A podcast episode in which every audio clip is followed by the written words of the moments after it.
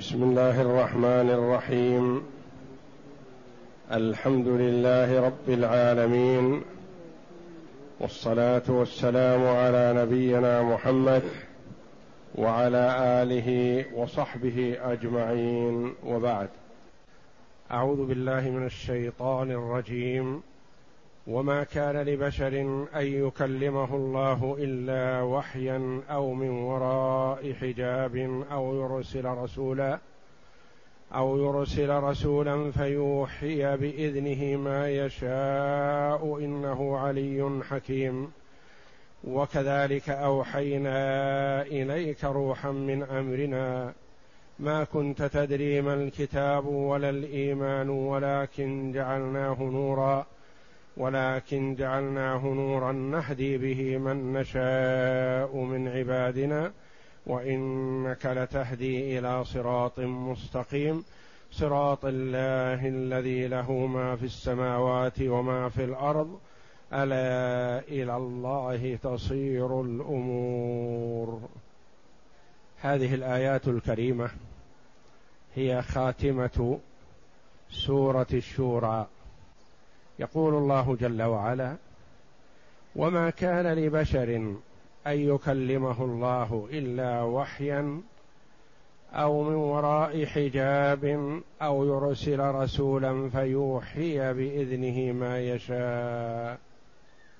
هذه الآيات قيل في سبب نزولها أن اليهود جاءوا إلى النبي صلى الله عليه وسلم فقالوا إن كنت رسولا فلا بد أن يكلمك الله مباشرة. كما كلم موسى عليه الصلاة والسلام. فإذا حصل هذا اتبعناك. فأنزل الله جل وعلا وما كان لبشر أن يكلمه الله إلا وحيا أو من وراء حجاب أو يرسل رسولا فيوحي بإذنه ما يشاء إنه عليم حكيم. إنه علي حكيم. رد الله جل وعلا عليهم بأن الله جل وعلا لم يكلم موسى مباشرة مجابهة وإنما من وراء حجاب. وبين الله جل وعلا في هذه الآية الكريمة أنواع الوحي إلا وحيا أو من وراء حجاب أو يرسل رسولا. فالوحي ثلاثة أنواع. الأول وحي يراه المرء في منامه أو يلقي الله جل وعلا ما شاء في روعه عقله وقلبه. ما شاء مع العلم اليقين أنه من الله. فهذا له صفتان. إما رؤيا منام كما رأى إبراهيم عليه السلام رؤياه في ذبح ابنه. حينما قال الله جل وعلا عنه أنه قال يا بني إني أرى في المنام أني أذبحك. فاستجاب إبراهيم وابنه لما أراده الله جل وعلا منهما. وإما أن يلقى في القلب الشيء الذي يريده الله جل وعلا كما أوحى الله جل وعلا إلى أم موسى عليه الصلاة والسلام. وأوحينا إلى أم موسى أن أرضعيه فإذا خفت عليه فألقيه في اليم. ولا تخافي ولا تحزني إنا رادوه إليك وجاعلوه من المرسلين. فأوحى الله جل وعلا إليها أن تلقيه في البحر. فألقته في البحر وهي مطمئنة. يعني فعلت ما أمرت به وظاهر هذا الهلاك المحقق. طفل في يوم ولادته يلقى في البحر بدون أن يرعاه أحد ويتولاه إلا الله جل وعلا فتلقيه وهي مطمئنة. وهذه الآية الكريمة فيها منتهى البلاغة في قوله جل وعلا وأوحينا إلى أم موسى أن أرضعيه فإذا خفت عليه فألقيه في اليم. أمران ولا تخافي ولا تحزني نهيان. إنا رادوه إليك وجاعلوه من المرسلين. بشارتان أمران ونهيان وبشارتان في هذه الآية الكريمة. فهذا نوع من أنواع الوحي. وكما قال النبي صلى الله عليه وسلم إن روح القدس نفث في روعي. أن نفسا لن تموت حتى تستكمل رزقها وأجلها وعملها. فاتقوا الله وأجملوا في الطلب. والروع بضم الراء العقل والقلب. ألقاء في روعي عقلي وقلبي. والروع الفزع بفتح الراء. الفزع يقال أصابه الروع أي الفزع. وما كان لبشر أن يكلمه الله مباشرة لا إلا وحيا والوحي يلقي الله جل وعلا في قلبه إما رؤيا منام أو إلهام من الله جل وعلا يدركه العبد ويعرف أنه من الله أو من وراء حجاب هذا النوع الثاني من أنواع الوحي. يكلم الله جل وعلا من شاء من رسله من وراء حجاب. يسمع كلام الله جل وعلا ولا يرى الله كما حصل لموسى على نبينا وعليه أفضل الصلاة والسلام. كلمه الله جل وعلا ومن أصول أهل السنة والجماعة إثبات صفة الكلام لله جل وعلا وأن الله كلم موسى تكليما بدون واسطة لكن موسى عليه الصلاة والسلام لم ير الله. ولما سأل ربه جل وعلا أن يراه قال لن تراني ولكن انظر إلى الجبل فإن استقر مكانه فسوف تراني. فلما تجلى ربه للجبل جعله دكا وخر موسى صعقا. فلما أفاق قال تبت إليك. تاب إلى الله جل وعلا من هذا السؤال الذي سأله ربه. والله جل وعلا يقول لن تراني يعني لا تستطيع رؤيتي في الدنيا فرؤية المخلوق لله جل وعلا في الدنيا رؤية بني آدم لله جل وعلا في الدنيا لا تحصل. والخلاف بين العلماء رحمهم الله هل النبي صلى الله عليه وسلم رأى ربه أو لم يراه؟ قولان مشهوران للعلماء. واما موسى فهو لم ير الله جل وعلا وانما كلمه الله تكليما.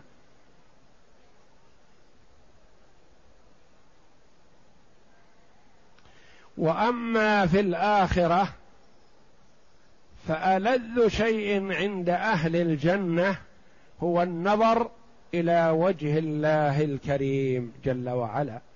وعاقب الله جل وعلا الكفار والمجرمين بقوله كلا إنهم عن ربهم يومئذ لمحجوبون.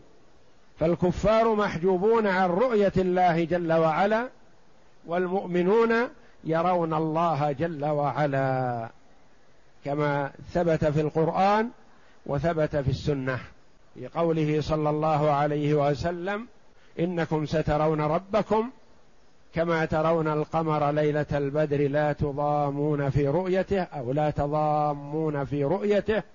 يعني يقينا ترونه كما ترون القمر ليلة البدر. والله جل وعلا يقول وجوه يومئذ ناظرة إلى ربها ناظرة. وجوه يومئذ مسفرة فيها النظرة والبهاء إلى الله جل وعلا تنظر هذا في يوم القيامة في الجنة. وأحوال البرزخ تختلف عن أحوال الدنيا.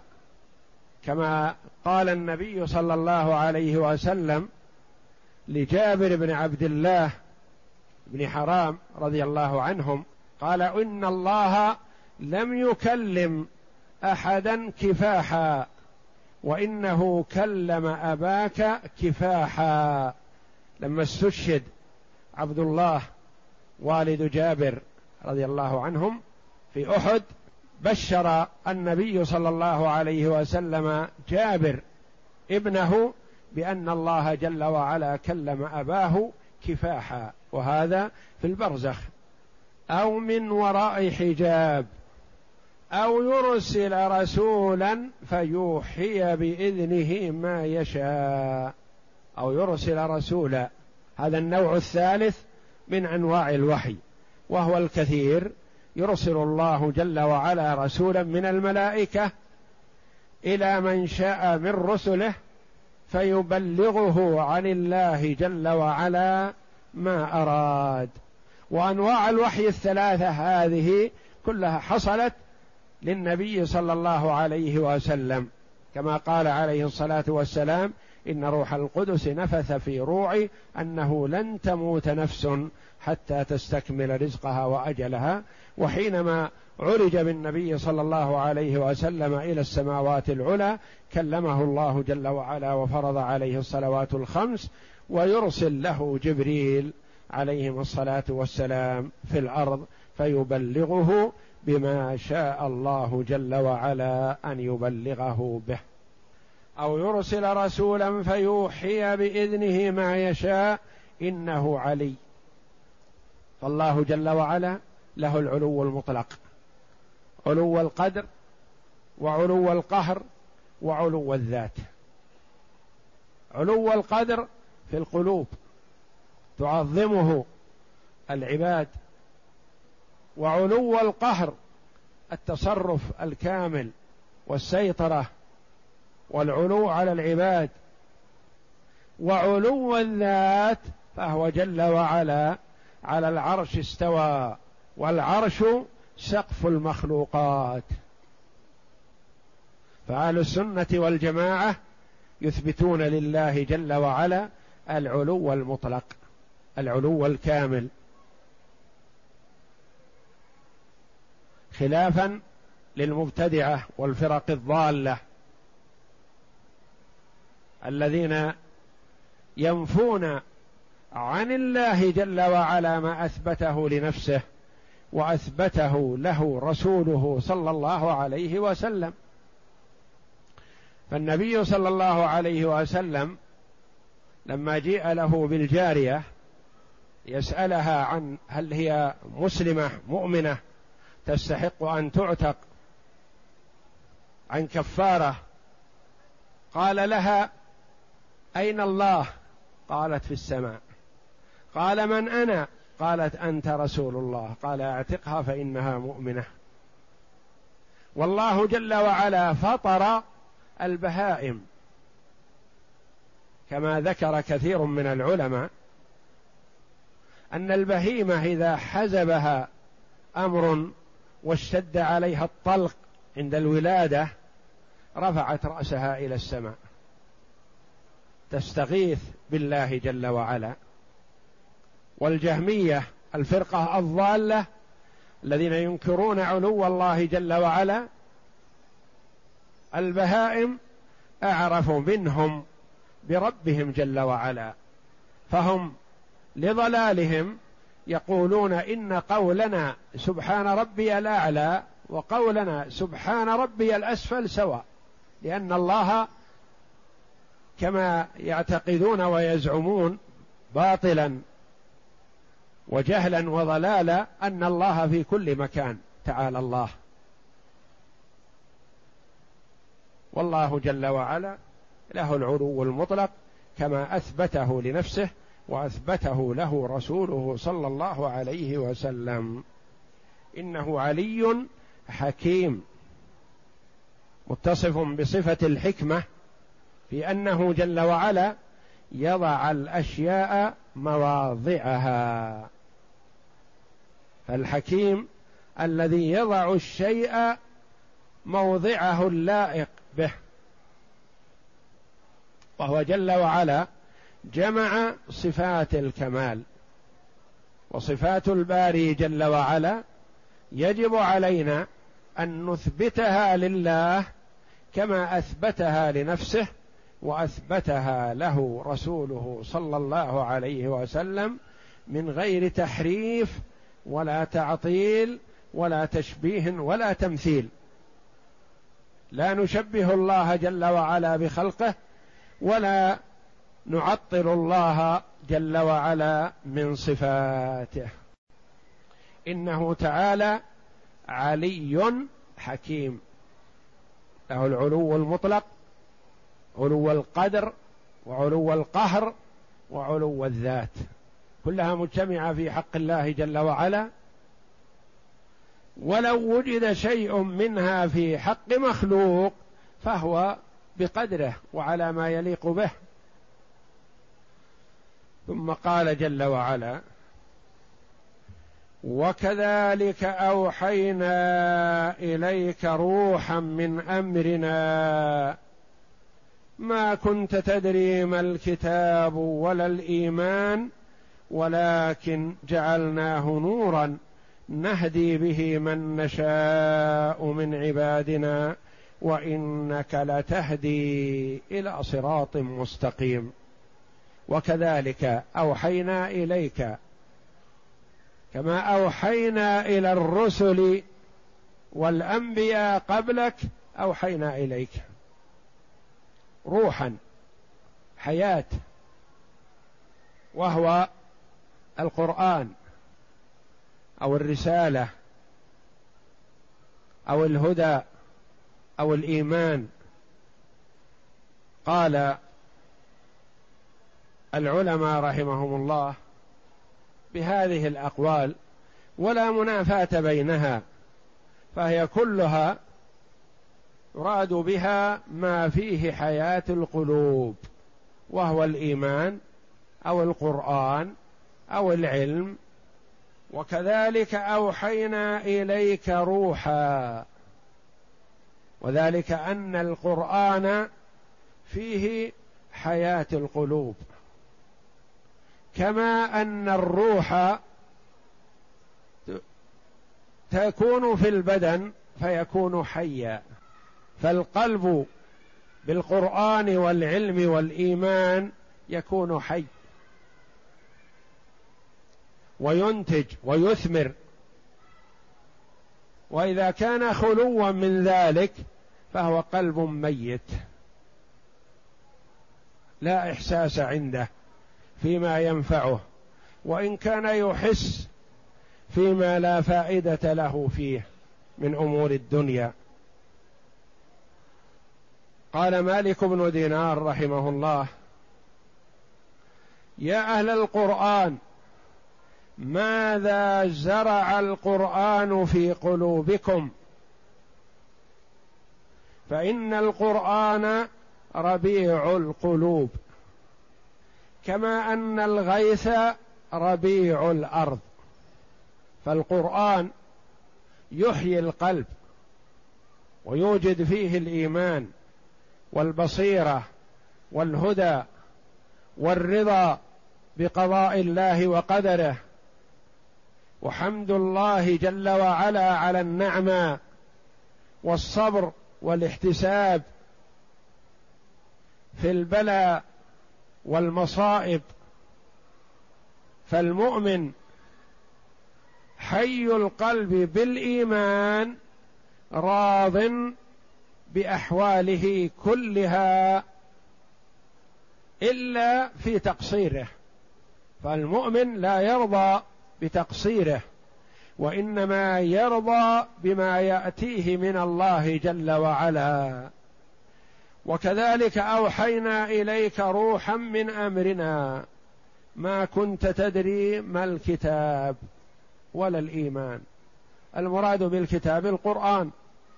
وروحا من أمرنا القرآن وكرره بلفظين مختلفين يدلان على شيء واحد. ما كنت تدري ما الكتاب ما كان يعرف القرآن صلى الله عليه وسلم قبل أن ينزل عليه.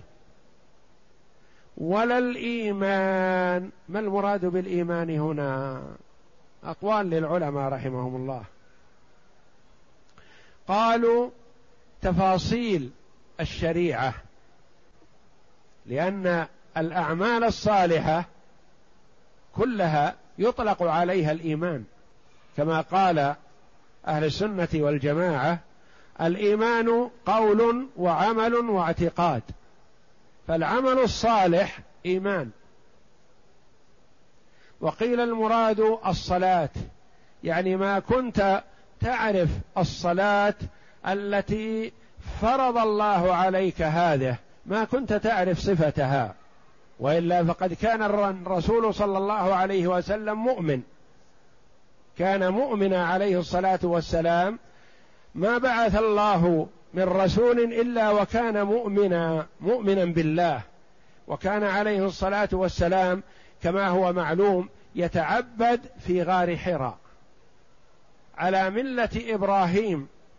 على نبينا وعليه أفضل الصلاة والسلام قبل أن يأتيه الوحي. كان يتحنث ويتعبد في غار حراء لأنه غير راض عما عليه الناس من الشرك وما أشرك عليه الصلاة والسلام وما سجد لصنم ولا عبد غير الله عليه الصلاة والسلام ولم يكن عنده تفاصيل الأمور الشرعية.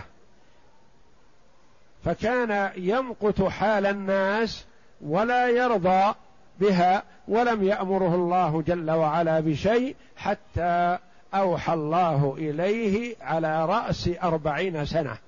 لما تم له من العمر أربعون سنة صلوات الله وسلامه عليه. جاءه جبريل بالوحي. ما كنت تدري ما الكتاب ولا الإيمان. قيل الإيمان الصلاة كما قال الله جل وعلا وما كان الله ليضيع إيمانكم. لما أمر الله جل وعلا بالتوجه إلى القبلة الكعبة شرفها الله جل وعلا. وكان النبي صلى الله عليه وسلم والصحابة أول ما هاجر عليه الصلاة والسلام يتوجهون إلى بيت المقدس. وقبل هجرته صلى الله عليه وسلم من مكة كان يصلي ويجعل الكعبة بينه وبين بيت المقدس فيستقبل عليه الصلاة والسلام القبلتين. ولما هاجر صلى الله عليه وسلم إلى المدينة ما تسنى له هذا لأنه إن استقبل بيت المقدس صارت الكعبة خلفه. وإن استقبل الكعبة ولم يستقبل الكعبة أول الأمر صار بيت المقدس خلفه. فيستقبل صلى الله عليه وسلم بيت المقدس الذي هو قبلة الأنبياء. ثم لما شرع الله جل وعلا له استقبال القبلة في الآيات في سورة البقرة في أول الجزء الثاني المبدوءة بقوله جل وعلا سيقول السفهاء من الناس ما ولاهم عن قبلتهم التي كانوا عليها. الآيات قال بعض الصحابة رضي الله عنهم يا رسول الله أناس منا من إخواننا ماتوا وهم يصلون إلى بيت المقدس ولم يتوجهوا إلى القبل إلى الكعبة. ما شأنهم وما شأن عملهم؟ فأنزل الله جل وعلا وما كان الله ليضيع إيمانكم يعني صلاتكم. صلاتكم إلى بيت المقدس صلاة صحيحة مقبولة قبل أن تنسخ. ثم نسخها الله جل وعلا وأمر بالتوجه إلى الكعبة المشرفة. ما كنت تدري ما الكتاب ولا الإيمان؟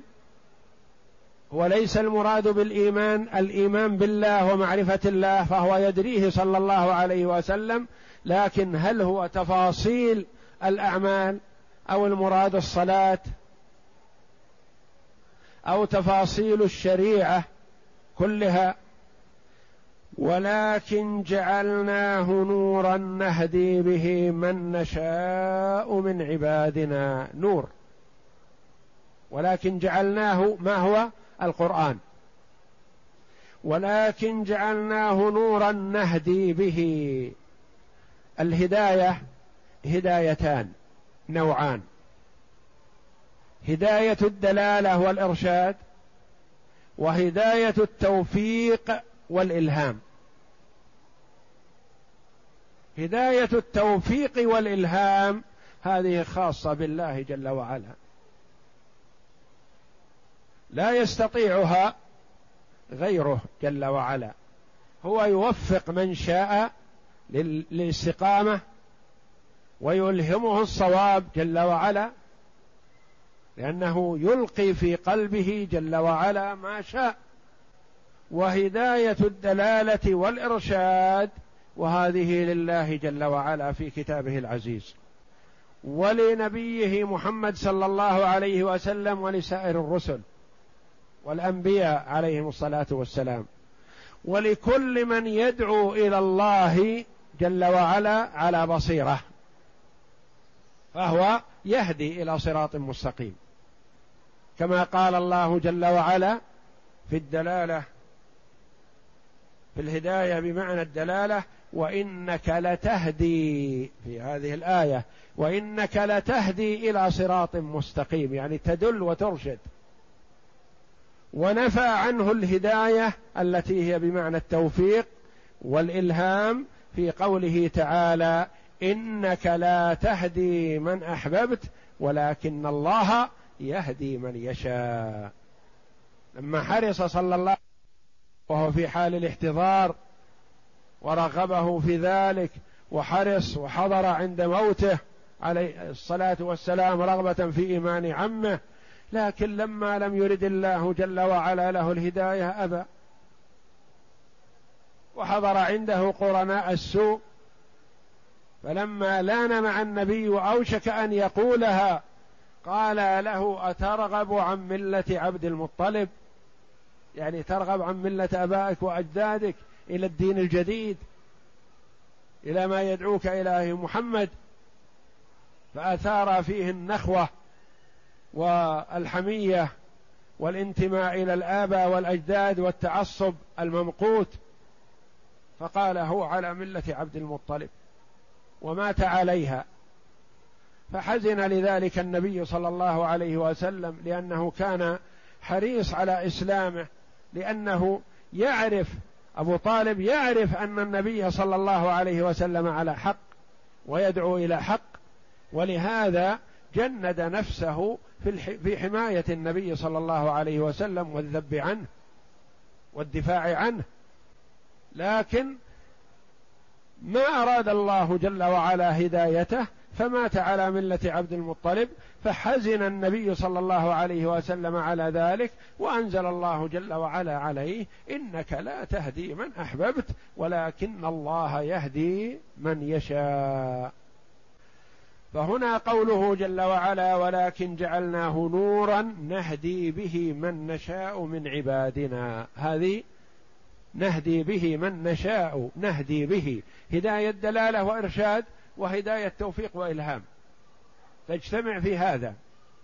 من نشأ لا كل الناس. دلالة الهداية والإرشاد من الله جل وعلا بالكتاب. ودلالة التوفيق والإلهام هذه لمن يشاء الله لمن اختار الله للإسلام والإيمان. وإنك لتهدي أنت يا محمد تهدي إلى صراط مستقيم. تدل وترشد وتوضح وترغب في الخير وتأمر به بأمر الله جل وعلا في قوله جل وعلا له في آيات كثيرة ادع إلى سبيل ربك بالحكمة والموعظة الحسنة وجادلهم بالتي هي أحسن. فهو يدعو صلى الله عليه وسلم ويهدي يعني يرشد. والدعاة إلى الله جل وعلا على بصيرة المقتدون بالنبي صلى الله عليه وسلم السائرون على نهجه وعلى سبيله يدعون إلى الله على بصيرة. يدعون إلى الله يهدون بمعنى يدلون ويرشدون. تأخذ بيد الجاهل وتنصحه وتوجهه وهذا يحل وهذا لا يحل وهذا كذا وهذا كذا فترشده وتهديه. فإذا وفقه الله جل وعلا سلك ما أرشدته إليه وإذا لم يوفقه الله جل وعلا ضرب بما تقول عرض الحائط ولم يلتفت لقولك. كما فعل كفار قريش أرشدهم النبي صلى الله عليه وسلم ودلهم وحرص على ذلك فلم يرعوا ولم يستجيبوا. وكما قال الله جل وعلا له في آية سابقة في قوله جل وعلا فإن أعرضوا فما أرسلناك عليهم حفيظا إن عليك إلا البلاغ الدعوة والبيان والإرشاد. وما قصرت في هذا وأما التوفيق والإلهام فليس إليك. نهدي به من نشاء من عبادنا. نهدي به من نشاء. ليست الهداية عامة. فهداية الدلالة والإرشاد عامة للناس كلهم. وقامت عليهم الحجة بالقرآن والرسول. وهداية التوفيق والإلهام لمن شاء الله جل وعلا. لا لكل الناس.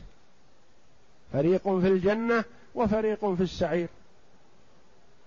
ثم قال جل وعلا مثبتا الهداية للنبي صلى الله عليه وسلم في قول وإنك لتهدي لترشد وتدل إلى صراط مستقيم إلى طريق واضح جلي موصل إلى الجنة. طريق الاستقامة طريق الهدى طريق السعادة. طريق الفوز في الدنيا والآخرة. من وفق لسلوك ما دعا إليه محمد صلى الله عليه وسلم والأخذ به فقد سعد في الدنيا والآخرة. وإن ابتلي بالمصائب وإن ابتلي بالجوع وإن ابتلي بالفقر وإن ابتلي بالأمراض وإن ابتلي بفقد الحواس وإن ابتلي بفقد الحبيب فهو في سعادة بالإيمان الذي في قلبه. وإنك لتهدي إلى صراط مستقيم طريق مستقيم لا اعوجاج فيه يوصل من سلكه إلى الجنة. ما هذا الصراط يا ربي؟ قال صراط الله الذي له ما في السماوات وما في الأرض ومن يبتغي غير هذا إلا جاهل ضال. النبي صلى الله عليه وسلم يدعو إلى صراط مستقيم. ما صفة هذا الصراط المستقيم؟ قال الله صراط الله الذي له ما في السماوات وما في الأرض. هذا الصراط اللي يوصل إلى الله جل وعلا. يوصل إلى سعادة الدنيا والآخرة. يوصل إلى رضا الله جل وعلا في الجنة. الذي له ما في السماوات وما في الأرض ثم بين جل وعلا في ختام الآية وختام السورة ترغيبا وترهيبا حثا وزجرا بشارة ونذارة. ألا إلى الله تصير الأمور. فالمؤمن يرضى بالعمل الصالح ويطمئن ويسر به لأنه سيقدم به على ربه. عمله سيلقاه عند من هو قادم عليه لا محالة. كل الأمور تصير إليه جل وعلا. فهذه بشارة للمؤمن. اجتهد في العمل وأنت واجد عملك عند الله جل وعلا حينما تقدم عليه. لن يضيع منه شيء. فمن يعمل مثقال ذرة خيرا يره. وفيها تخويف ونذارة وتوعد للكافر والفاجر والمعرض عن الله جل وعلا. بأنك لا تظن أنك ستسلم بغيك وطغيانك. مرجعك إلى الله ومآلك إلى الله. فهذا الختام العظيم لهذه السورة العظيمة. آخر كلمة اشتملت على البشارة العظمى والنذارة العظمى. اشتملت على الوعد والوعيد.